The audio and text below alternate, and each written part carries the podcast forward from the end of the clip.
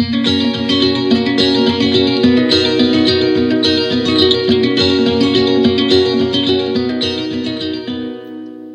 til Danske Bankers, podkasten for deg som vil vite hva som rører seg i markedet fra uke til uke. Mitt navn er Fredrik Ask Stensrud, og med meg i dag så har jeg Christian Lie fra hovedkontoret på Hamar. Velkommen, Christian. Ja, takk for det, Fredrik. Jeg pleier jo å noe fakta om noe land før vi går i gang med hva som skjer, eller hva som har skjedd denne uken og hva som skjer neste uke. Men nå er det jo høysesong for manflu. Så jeg tenkte at akkurat den gangen her så blir det faktisk fakta om spanskesyken. Og spanskesyken det var jo en fugleinfluensa som herja fra 1918 til 1920. Og totalt så ble en tredjedel av verdens daværende befolkning på 1,8 milliarder faktisk smittet. Og Det er dog også sannsynlig at hele verdens befolkning ble utsatt for smitten uten at alle ble syke. Spanskesyken tok 40 millioner menneskeliv verden over, selv om det er anslått at tallet kan ha vært så høyt som 100 millioner.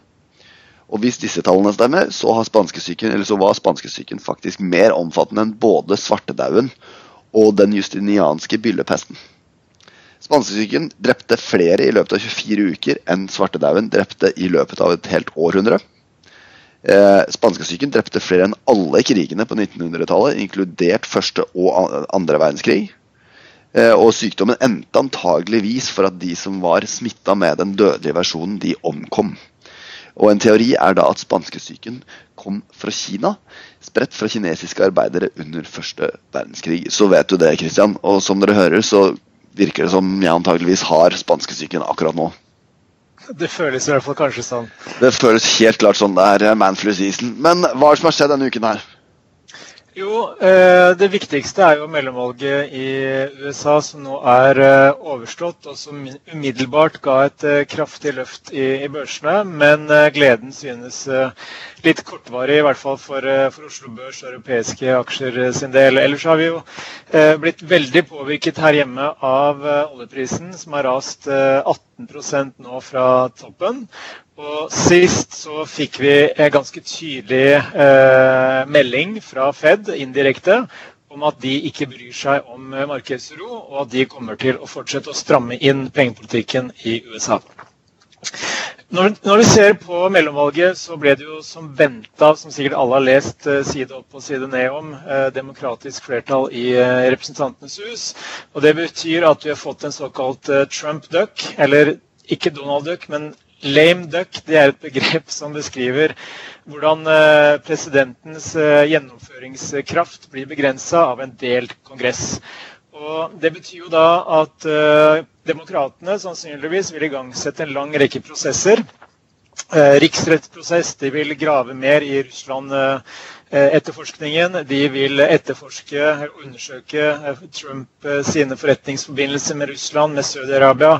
Her er ikke siste ord sagt i forhold til, eh, til, politisk turbulens i USA. Og som jeg tror Financial Times som skrev det, at uh, om vi har opplevd de to første årene med Trump som president som kaotiske og forvirrende, så, er dette trolig bare barnemat i forhold til det vi kommer til å se de neste to årene. Men det vi er mest opptatt av, det er jo den økonomiske politikken, og den videreføres jo da. Men fordi demokratene og republikanerne vil slite med å bli enige om uh, så veldig mye, så tror vi at dette begrenser muligheten for flere uh, økonomiske stimulanser fra Trump-administrasjonen. Og Det betyr jo alt annet likt en litt lavere sannsynlighet for at dollaren skal fortsette å styrke seg mer enn det man tidligere har antatt. Og ikke minst at frykten for et rentesjokk i USA kanskje også er noe mindre enn det man kunne frykte. For dette betyr jo da alt annet likt at uh, den bensinkanna som Trump har stått og helt uh, bensin på, på, det amerikanske økonomiske bålet, den vil etter hvert bli mer og mer slunken, samtidig som Fed har sin fulle vannkanne og kan fortsette å helle vann på bålet. Så alt annet likt en litt uh, mindre optimistisk uh, forventning i forhold til amerikansk økonomi, fordi stimulansene kommer til å bli etter hvert borte. Men Christian, eh, ja. du kalte det en lame duck, ikke sant? Ja, jeg sa Trump duck, ja. men det er jo lame duck. da. En lame duck, jeg vil, jeg vil, si at Din aversjon mot å kjøpe deg et nytt headset, det er som en lame pod i så fall. Du begrenser min anledning til å lage en podkast med god lydkvalitet. Så nå er vi enige om at til neste podkast så har du kjøpt nytt headset, ikke sant? Ja, har kostnadsfokus. Jeg er opptatt av det. Men uh, jeg lover på tro og ære. Takk, Kristian. Bra. Gå videre.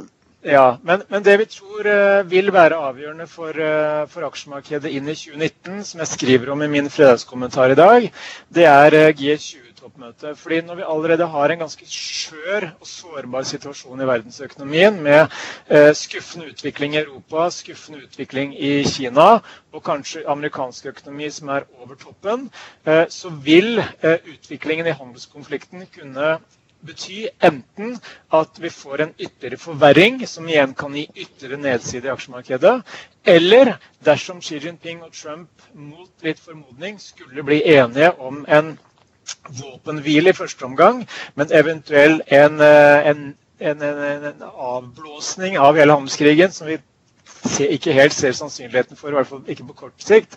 Men en våpenhvile i det minste vil kunne gi et stemningsløft i, i aksjemarkedene.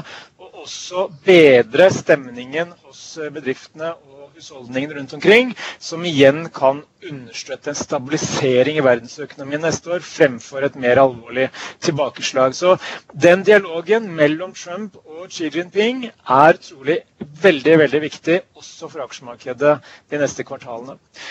Når det gjelder oljeprisen, så har den uh, kommet seg kraftig ned. Og det er flere ting som uh, påvirker. Det første er jo at Eh, Trump, som da varslet eh, kraftige sanksjoner mot Iran.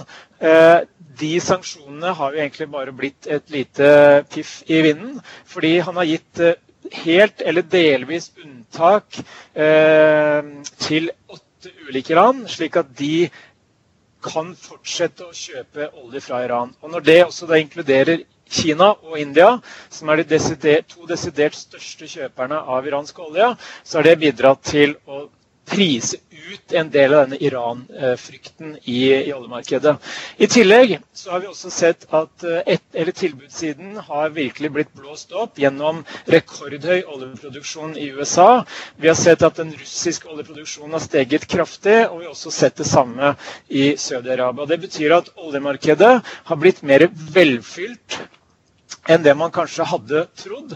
Og Når man da, i tillegg har den usikkerheten rundt, rundt global økonomi og utsiktene for verdensøkonomien neste år, så øker det også usikkerheten i forhold til etterspørselsveksten for olja.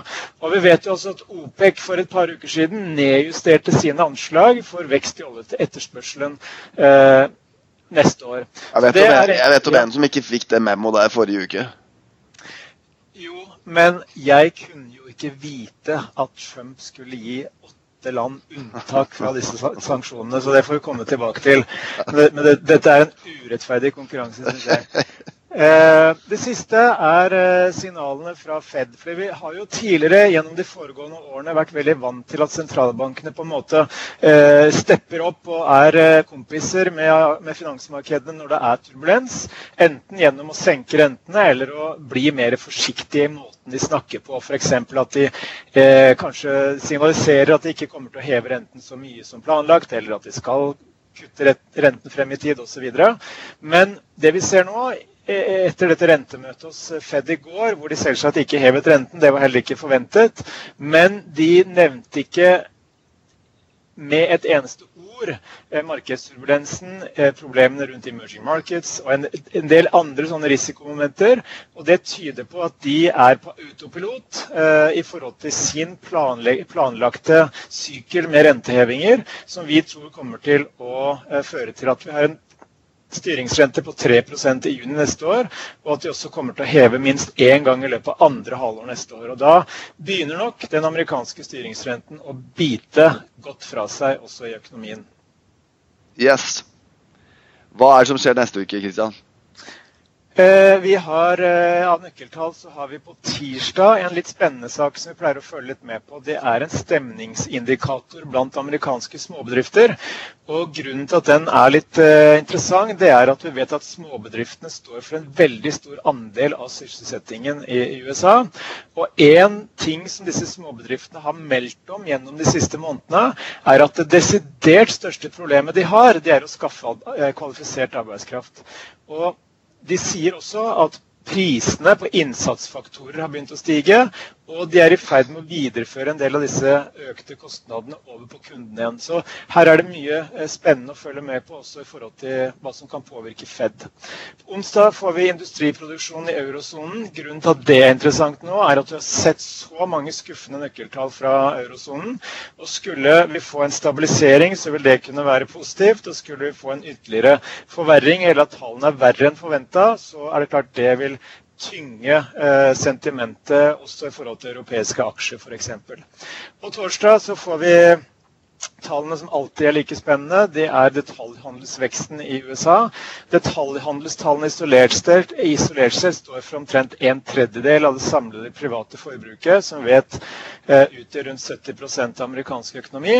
Men Utgangspunktet for videre forbruksvekst i USA er veldig sterkt. Vi har den laveste ledigheten siden 1969. Lønnsveksten har nådd det høyeste nivået siden 2009. Eh, og det er liksom Optimismen blant husholdningene er på det høyeste nivået på 17-18 år. Så alt taler egentlig for at denne detaljhandelsutviklingen skal fortsette i riktig retning, men den har liksom ikke helt blomstra opp ennå. Jeg skal ta markedsbevegelser eh, siste fem dager og de tre viktigste sakene for neste uke. Men før det så må vi selvfølgelig til eh, Christian og Fredrik Aksjo-olympiaden 2018. Er det helt nødvendig? Det er helt nødvendig, faktisk. Og i forrige uke så valgte du å beholde din long-posisjon i oljen, mens eh, jeg snudde min long-posisjon i OBX-en til en short-posisjon. Eh, jeg uh, føler jo at jeg ikke fikk betalt for det fallet vi har sett i oljeprisen. For jeg tapte faktisk på den short-posisjonen min, så jeg eh, mista 0,36% og er nå opp 3% totalt siden vi startet denne konkurransen i uke 41. Du derimot uh, gjorde det ikke fullt så dårlig som den bevegelsen du har satt over over de siste fem dager, men posisjonen som jeg lekeposisjonen, vel å merke, som jeg tok for deg, den falt med 3,94% faktisk i oljen fra forrige uke til nå. Så du er ned 7,22% Så du ligger litt bak. Og så tenkte jeg at du har faktisk fått velge først hver gang, Christian. Så den gangen her så skal jeg velge først. Så jeg tar og snur de feilslåtte oljeposisjonene dine ja, til en long i oljeprisen som jeg går nå, faktisk. Ja, Det var akkurat det jeg hadde tenkt å gjøre. Ja, ja, ja, ja, det sier de. Du må ta annet. ja, da er jeg eh, long emerging markets.